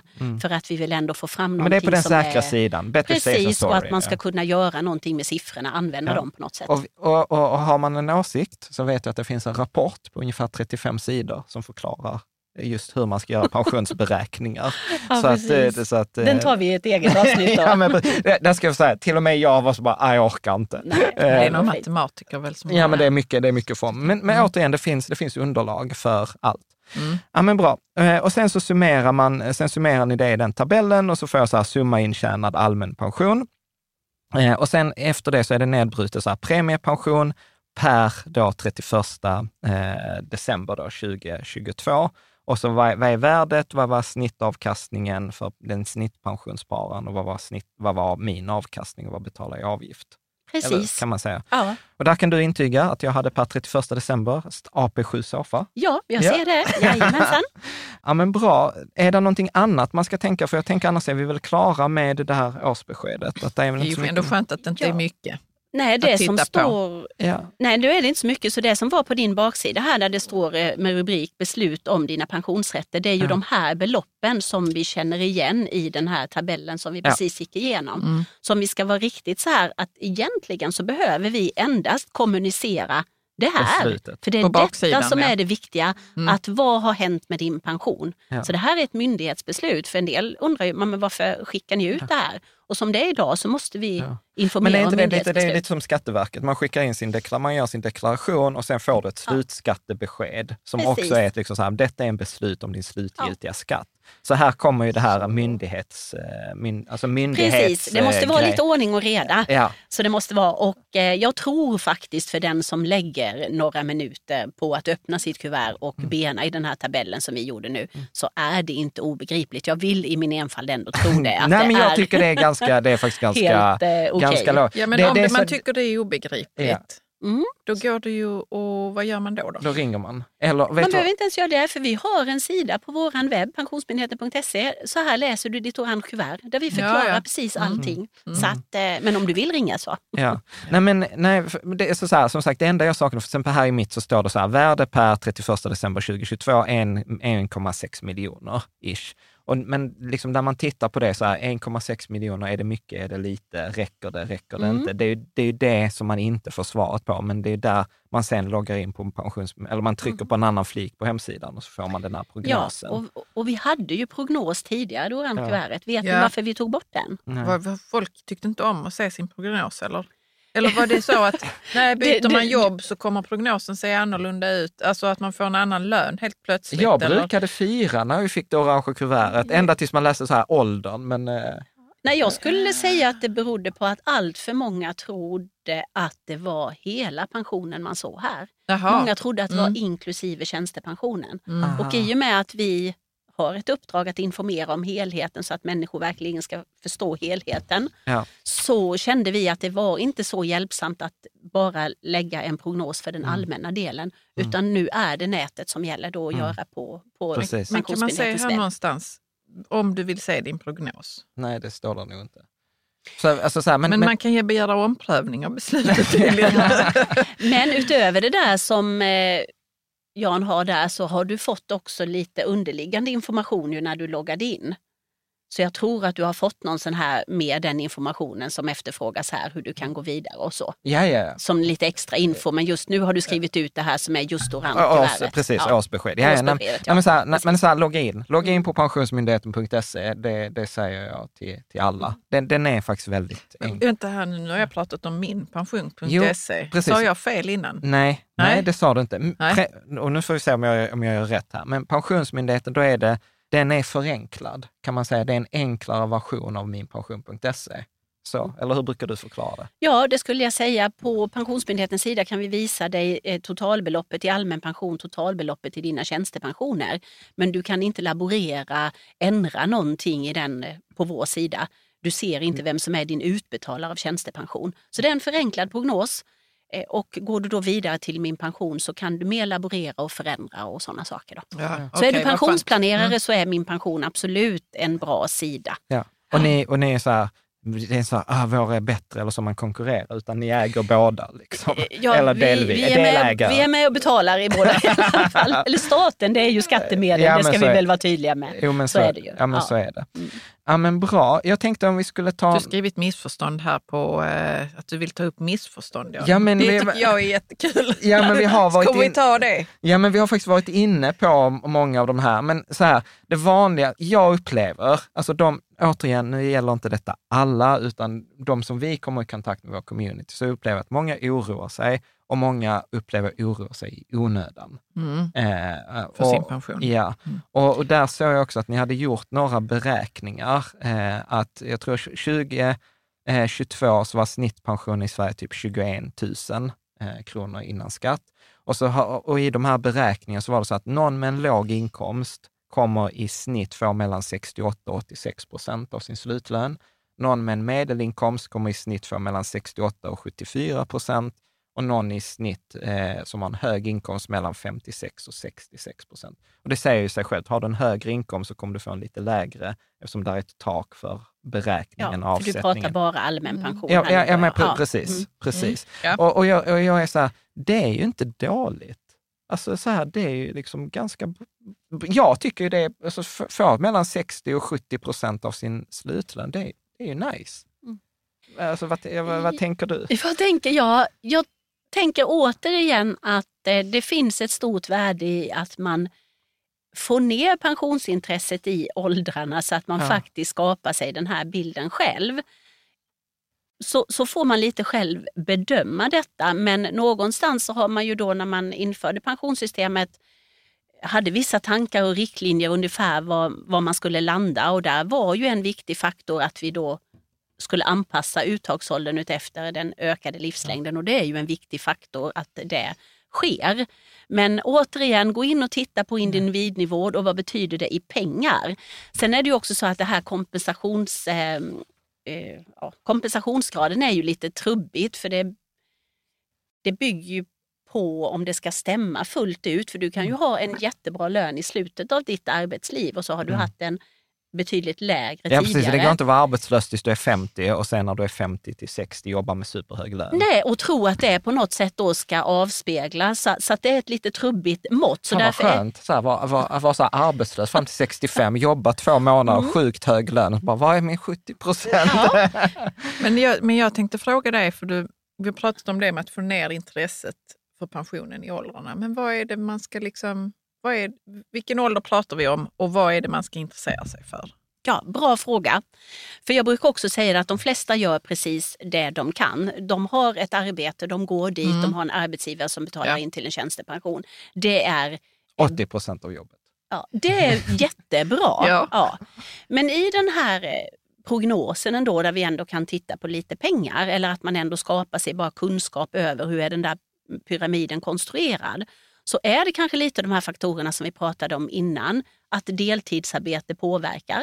Lever jag med någon kan vi ha en diskussion kanske i vår relation om hur kan vi lite grann jämna ut det här så att inte vi kommer ha väldigt olika inkomster när, eh, när det väl är dags. Och då kan jag ju få tillbaka det där ibland, ja men vi delar solidariskt oavsett vem som drar in pengarna. Eh, jo, jo, men vi vet ju att relationer, de upphör ibland. Och som sagt var, en av oss kommer att gå bort först och det är oftast vi kvinnor som lever längre och då kommer jag bara ha min egen pensionspåse. Så just bara det här att, att eh, få den här förståelsen över hur det funkar. Och är jag Kanske om jag har kommit eh, senare till, eh, till Sverige kanske, jag hinner inte jobba så mycket, att ändå Mm. skapa den här förståelsen, hur, hur funkar det? Och, och att det finns någonting som heter tjänstepension som jag ska kunna förvänta mig. Nu använder jag förvänta, men alltså det är ändå en viktig del från en arbetsgivare, att man vet att jag har den här delen som kallas tjänstepension, oavsett om jag har kommit sent till Sverige, men att jag bara har den helt enkelt. Bara det här som jag pratar om avgifter och sådana saker, man tycker att man är jätteduktig och har ett eget sparande, men man har inte alls ifrågasatt vad avgiften är. Så att återigen, många gör precis vad de kan, men man kan finlira lite granna när Mm. man skaffar sig den där Ha kunskapen. lite koll. Ja. Ha lite koll. Men vad är det vi då på i 30-årsåldern eller vad- jag tänker vad är ungt liksom, egentligen när man ska börja intressera sig och få, Nej, men skaffa alltså, sig så här, lite fast, koll fast bara? jag tror alltså så här, återigen, så här Caroline, det är inte så här, åh du vet nu är du 30, nu ska du göra så här. Utan jag, Nej, jag men ska- folk vill ju veta det. Ja, men jag skulle säga så här, du, jag, jag tror på de här big wins. Alltså så här, fokusera på det som gör skillnad. Och då, då, påstår jag precis som du säger, så här, se till att vara på ett jobb där du får en tjänstepension. Se till att försöka öka din lön under livet. Se Mm. upp för deltid. Eh, försök dela i en relation, dela liksom på pengar, kompensera för om den ena är hemma. Och sen gör inget val, det går till här, det gör inget val i AP7 så fast att du har kvar den. Det- Ja, har man gjort det, då, då har du gjort liksom nio av tio. Och detta är inget du behöver göra liksom, åh, en gång i veckan. behöver jag logga in på Pensionsmyndighetens hemsida. Utan, utan detta är liksom, du behöver knappt logga in förrän du är 50. Ja, men det är bra. om du har gjort de det här var ändå andra fem grejerna. grejer som känns relativt enkla. Ja, känns och det, och, det, ja, och det är det jag menar, att liksom basen i Sverige är ganska, ganska soft. Alltså den är bra. Sen, kom, sen kommer, eh, faktiskt, nu ska jag göra reklam för er, ni har en, en guide på hemsidan som heter så här, snabbkoll på din pension. Ja. Som är jättebra. Jag satt och klickade, då får du svara så här, hur gammal är du? Sen trycker Var, du. var man, man går in på Man googlar, man går, klickar på länken i beskrivningen eller så googlar man snabbkoll på din pension. Ja. Och då trycker du så här, jag är så här gammal och sen frågar, har du barn? Så säger man ja eller nej och sen säger man så här, är du anställd? Ja, nej, äh, liksom egenföretagare, aktiebolag. Och sen så kommer den med tips efter, Ah, efter liksom din situation. Och, den var, och, den var, och du kan till och med få så här, tryck här, mejla detta. Så du kan göra det för ditt barn och så klicka i så får de ett mejl. Nej, gör inte det. Jag de satt och funderade på här att eh, jag måste få prata lite om den här snabbkollen. För det Ja. är ju en vägledningstjänst som vi har plockat fram och det är jättekul att du har hittat till den och att du har gjort den och att du tycker den är bra. För där kände vi att det, finns ett, att det fanns ett behov, finns ett behov att på enkelt sätt eh, samla eh, neutral och viktig information för olika åldrar på ett enkelt sätt än att kanske läsa den här sidan och där och där. Utan då har vi tagit fram den här. Så det handlar om att, om att klicka och du får tips och information just utefter det som du svarar. Och det ser vi ju att man kanske inte riktigt vet. Har jag gjort si eller så eller är det så? Så provar man både ja-svaret Ja, ja, eller nej-svaret. jag, satt, jag, precis, jag satt Ja, och med jag, den. jag satt och Ja. testade alla alternativ och sen glömde jag bort, kom jag till slut och var så här, detta var jättekonstigt råd. Så här, Just det, jag, jag får gå tillbaka Du och var klicka. en fiktiv person. ja, ja, men Ja, liksom, jag får precis. klicka rätt. För där loggar du inte in så vi vet inte vem du är utan det är helt oanloggat läge Ja, så du är helt mm. Anonym när du då Så, sätter. så, så att den, den, Mm. den, är, den är faktiskt jättebra. Sen hade jag ju kunnat önska att den var lite mer opinionated. Alltså för där är ju ni väldigt neutrala i vissa, vissa så att till exempel kring, vill du vara aktiv? Jag är så här, var inte aktiv. Men, men det får stå för mig. Eh, men jag tänker en, en annan grej. här, för jag vet att vi har många företagare som lyssnar och jag Mm. tänker att vi ska inte ens ge oss in på företag. Vi har liksom långa diskussioner i forumet.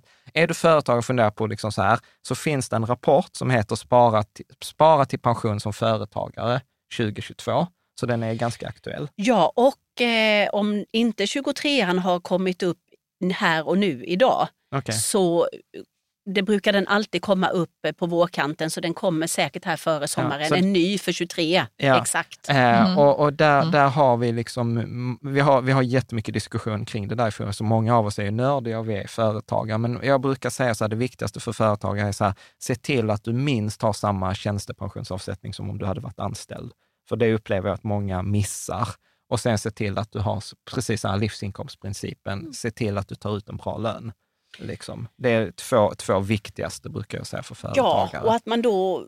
Sen finns tänk- det ett trick. Sen Ja, finns det många trick, trick, för företagare. Men, ja, precis. Jag ville bara säga det lite grann att du, att du funderar på vilken bolagsform har jag? Är jag har jag aktiebolag, tar ut en lön? Har jag då eh, en enskild firma? Jag har ett överskott. Mm. Och att du liksom, tänker kring lönen, kring överskottet, eh, kring den här eh, taket i allmän pension, att du utgår ifrån det. Var befinner jag mig? Då har du kommit långt och det där tar den där rapporten upp som du säger. Ja. Men det är den för 23an ska ni gå på Ja. för att eh, det har ju hänt lite med eh, gränserna. Ja. Gränsen för statlig Ja. skatt och maxtaket har flyttats. Ja, men eh, precis, jag precis. håller med dig, läs pensionsmyndigheten.ses alla rapporter, superbra. Och sen, och sen vill, du ha, vill du ha nörderiet så har vi forumet där vi pratar allt om periodiseringsfonder och jobba efter att man är Ah. 60. Där, där finns ganska många grejer hur man kan förbereda ett par år innan, men det blir så specifikt för företagare. Samma sak vet jag att vi har mycket diskussion kring forumet, de här AK, ja, vi går inte ens in på det, streck KR, CAP KL, Mm. alltså de här olika liksom, Tjänstepensionsavtalen. Ja. Aha. Så att, för det är så svårt. Det känns som att öppnar man den burken så blir man aldrig färdig eh, i det. Men då kommer vi till det jag egentligen tänkte att vi skulle också ta upp. Att jag brukar säga till folk som är lite oroliga, eller så här, att det viktigaste liksom, som du kan göra där är att ha flexibilitet. Och vad jag tänker kring flexibilitet är att man kan liksom vara lite flexibel, både sin utgiftsnivå, hur mycket utgifter kommer jag ha när jag går i pension så att den räcker, men också vara flexibel i när jag går i pension. Och du har också varit inne på det, att eh, det, det slår väldigt mycket om man går ett år eller två år innan eller ett eller två år efter. Och här hade ni faktiskt ett exempel på, eh, om jag tar, nu blir det mycket siffror, men för en person med månadslön på 35 000, så hade ni ett räkneexempel att om den går vid 66 års ålder så får den ut 27 000 ungefär. Men om den går då vid 64 år, alltså två år tidigare, då blir det alltså minus 14 procent på den här. Går den ett år tidigare så är det minus 6 procent, men går den ett år senare så är det plus 6 procent. Går den två år senare plus 12 procent. Går den fyra år senare så är det plus 25 eller 28 procent i pension. Så att pensionen, jag tror att i tumreglerna så står det så här att ett, ett år minus eller plus förändrar mellan 6 och 11 procent. Mm. Jag tror det är så det står, ja. Ja. Precis. Ja. Och, och det är ju sjukt mycket. Och så att det där är också så här att jag såg någon, vi håller på, vi har en diskussion i forum som inte riktigt har landat än, men där man ibland säger så här, ja men vet jag har inte kunnat spara, eh, liksom, och så har man skit, sjukt dåligt samvete för det. Och säger så här, fast vet du vad, om du jobbar ett år längre så kan du nästan bortse från att du inte sparade under 20 år, för det där sista året gör så ofantligt stor skillnad. Varför är det så? Ja, men det är ränta på ränta. Ja, men jag tänkte att Agneta Jaha, förlåt. Jag blev så entusiastisk. förlåt, nu släpper jag in dig, Agneta. Vad, vad är din kommentar till Ja, jag skulle också säga det att du har ju ytterligare ett års insättning eller två år eller vad det är. Men det gör ju väldigt mycket på uttagstiden. Helt plötsligt pratar vi om att den här säcken med pengar ska fördelas på kanske 12 månader eller 24 månaders kortare utbetalningstid. Så det där är ju en superviktig faktor i slutet av eh, arbetslivet, uttagstidpunkten, när vi då kortar eh, kortar utbetalningslängden så skjuter det på eh, rejält. Och det här tycker jag verkligen är viktigt att jobba med den här informationen, att man inte tror att det finns en specifik pensionsålder där jag måste gå. Eh, vi har en lagstadgad rätt att i år till exempel jobba till 69, men återigen, det är ju heller inget måste eller ska, för det kan kännas tufft för många. Men att vi ändå förstår det här att det finns stora valmöjligheter när vi kan gå, även om den här lägsta åldern kryper uppåt och att det spelar stor roll. Och sen tittar vi också på skatt skatten, när vi tittar netto, då är det ju också kopplat till det här att vi skjuter på uttaget när skatten blir lägre på pension. Ja, det fattar jag med skatten, men jag fattar inte det du sa innan. Men, Nej. Alltså jag, pengarna jag, ska ju jag, användas... jag tänkte också på ränta på ränta, att man har ett, ett visst belopp liksom som ligger där och väntar på en. Mm. Jag är 68 men jag Ja. väntar till Ja, men det 70. förräntas absolut. Mm. Det förräntas. Men- Men, så jag förstod inte det du sa. Jo, men- jo, men så här, om jag ska Men dö... vänta nu här, kan inte Agneta få svara? Ja, det jag försökte säga ja, då, Ja, Det var ju just det att eh, om du då väljer att sluta till exempel vid, eh, vi säger 67 då istället för 65. Det är många som tycker att 65 är någon typ av pensionsålder men när vi tittar på medelpensionering idag så är vi fortfarande inte riktigt uppe vid 65. Men då har du ju fått in två års ytterligare inbetalningar i och med att du har fortsatt att arbeta. Så du Ja. har fått två ytterligare insättningar i din orange kuvert, Ja. eh, två år till. Plus att i, i skillnad mellan 65 och 67 så är det 24 månaders kortare utbetalningstid. Det vill säga att om jag, om jag ska dö när jag är 80 och jag går i pension när jag är 65 så är det 15 år som pengarna ska räcka. Jobbar jag till 68 så är det bara 12 år de ska räcka. jag tycker inte det är så stor skillnad. Ja, men det blir... För mig i mitt Ja, men huvud så här, så är det jag, så. jag tycker inte... Nej, Nej, men, det låter inte som så stor skillnad. Men om du tar en miniräknare, Ja. bara på ett enkelt och tar vilket belopp som helst och delar det på antingen då vad det nu kan bli för månader på 15 år eller på 17 år till exempel, då kommer du att se vad det gör på ett månadsbelopp. Och det är det som händer. Ibland får jag frågan det här med att gå ner i arbetstid, kanske i slutet av eh, arbetslivet för att man tycker att det är tungt och, och eh, tufft Ja. att jobba vidare. Men man kanske ändå har en ambition att ändå förlänga arbetslivet men att man jobbar i mindre omfattning. Och det påverkar ju inte den allmänna pensionen så mycket att gå ner lite i arbetstid i slutet. Eh, om man då också väljer att låta bli att ta ut för att då är det ändå det här med att eh, du skjuter på utbetalningstiden, att du fördelar inte din pension på så många år. Så det är en jätteviktig faktor, uttagstidpunkten. Och det, är den man, det är den man glömmer och det är det du kopplar lite till det egna sparandet. Har du inte haft möjlighet att spara men du ändå känner att du kan förlänga ditt arbetsliv så kan du som sagt kompensera eh, enkelt uttryckt genom att göra det, helt klart. Mm. En annan fråga, när, när vi satt och funderade på detta, att jag kan kompensera till viss eh, del genom att jobba längre. Då, då ställde jag mig frågan så här, men vad är viktigast då? Börja jobba tidigt eller jobba längre? Ja, det är alltså, en bra fråga. Alltså så här, ska, ska jag åka på den där jorden runt när jag är 23 eller ska jag liksom börja jobba för det? För, man För det kommer göra så för stor det kommer göra så, längden. så ja. Mm. stor skillnad för att det, det är liksom så här, ränta på räntan ju tidigare man börjar. Och så satt jag och började tänka så här, jag ska- räkna på det här. Och sen naturligtvis så finns det en rapport som har kollat på det här. Tumregelsrapporten. Ja, tumregelsrapporten. Mm. Och det man konstaterade eh, där, så står det, liksom, vill du citera Caroline? Ja, givet att man är frisk och kan arbeta vidare ger ett år senare lagt uttag av pensionen och fortsatt heltidsarbete högre pension än att börja arbeta ett år tidigare. Ja, så Mm. det är också så här skönt, liksom till, till, alltså så här, till våra döttrar. Hellre så här, ta liksom det här året, ja det är okej att inte börja jobba för liksom pensionen, utan du kan alltid liksom kompensera det sen.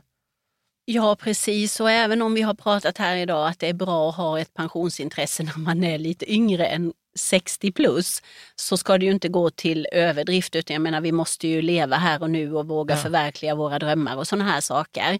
Ja. Och här skulle jag ju såklart nu då verkligen vilja slå ett slag för eh, Pensionsmyndighetens digitala informationsmöten som vi har bland annat för eh, planerare men även mitt i livet och så här. Eh, De hittar ni på Pensionsmyndighetens sida men där går vi verkligen igenom det här hur man kan jobba med simulatorn och, och pratar om skillnader i allmän pension och tjänstepension och vi kan gå igenom de här grundskydden så att man känner en viss trygghet av att man ändå klarar sig fast pensionen är låg och sådär. Så där pratar vi just om de här möjligheterna som du har att allting behöver inte vara 100 procent och det behöver inte vara på samma tid. Nej. Utan att ge råd, men som jag säger, tydlig information, det är mitt motto. Ja, men det är bra. Det är ett mycket bra mått. Men du, jag tänker att, jag, jag tänker att detta är ett bra ställe att runda av. Är, är det någonting som du tänker så här, detta borde ni ha frågat om? Eller detta borde ni ha tagit upp?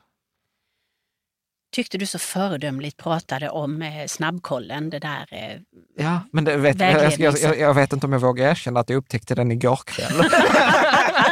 så, så att, eh, Men jag säger då, den är ganska ny. Ja. Jag drar lite på ganska, men ändå, så du är förlåten. Ja. Nej, men det är en jättebra tjänst som vi har sett uppskattas. Och, återigen, nu har vi suttit här supertrevligt en lång stund, men eh, bli inte stressad utan det är ändå livsinkomsten och tjänstepensionen och när du väljer att plocka ut, är de tre faktorerna. Men så toppar man det med en prognos och så lite eh, lagom kunskap om den här vin pyramiden. och så har man en trevlig Ja, kväll. det får jag säga, det får vara valfritt. Man kan ta något annat Det med. blir glass för min Ja, del ja, tror men- jag. Det är min last i livet. Ja men gud, ja. då ska vi åka förbi ett glass. Vilka kompisar ni är. Alltså, Jan älskar ju också ja, glass. men vad härligt. Ja, men, ja, men vad bra. Eh, jag tänker så här, vi har en fråga som vi brukar ställa till alla våra gäster. Ja. Eh, så här, vad är det sämsta, vi brukar ställa frågan så här, vad är det sämsta rådet inom finans? Men du kan få svara också så här, vad är det sämsta rådet inom pensionsrådgivning? Ja, det vi ser är ju att eh, rådgivning i premiepensionen behöver ju inte på något sätt eh, bli att det blir en bättre värdeutveckling än att man inte gör någonting alls. Och eh, där ser jag ju, eller märker ibland när man pratar med någon, att eh, någon faktiskt betalar för en sådan tjänst Mm. och tror att de här kan göra någonting med premiepensionen utan att jag själv är aktiv. Men det kan man ju inte utan man Nej. måste ju eh, antingen med blankett eller då med sitt bank-id. Och det är ju helt förkastligt givetvis att betala för en tjänst där man inte får någonting för Ja. det. Det finns ju, Ja. det finns ju mycket studier som är, en, en av mina favoritstudier, jag gick igenom 17 000 råd och konstaterade att eh, mer än hälften var sämre än Ja. om man bara hade singlat slant. Och om jag får citera er själva, så skriver ni så här, en av fem pensionssparare uppger att de har tagit hjälp av rådgivare vid placering av premiepension.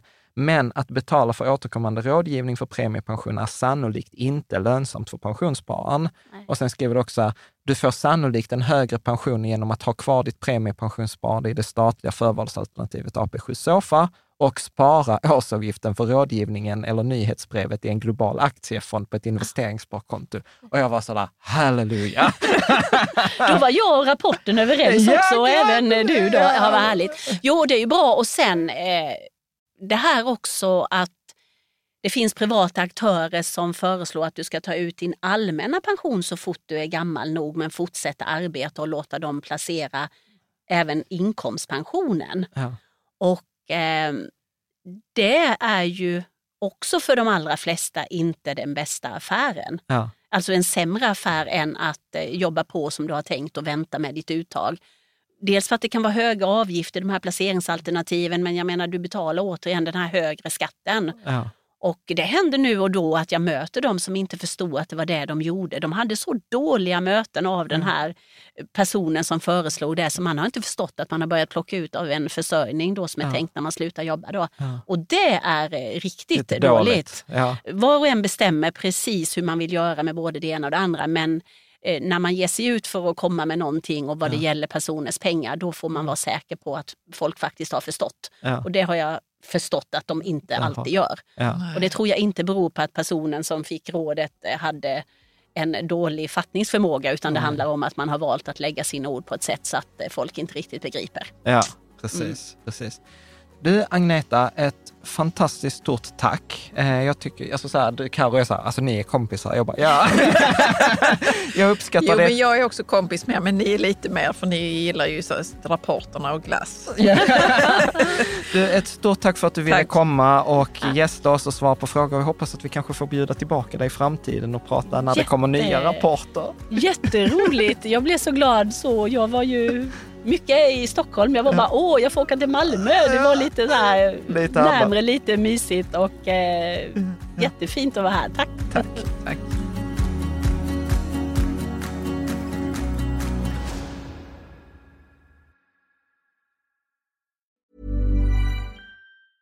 Mom deserves the best, and there's no better place to shop for Mother's Day than Whole Foods Market. They're your destination for unbeatable savings, from premium gifts to show-stopping flowers and irresistible desserts. Start by saving 33% with Prime on all body care and candles. Then get a 15-stem bunch of tulips for just $9.99 each with Prime. Round out Mom's menu with festive rosé, irresistible berry chantilly cake, and more special treats. Come celebrate Mother's Day at Whole Foods Market.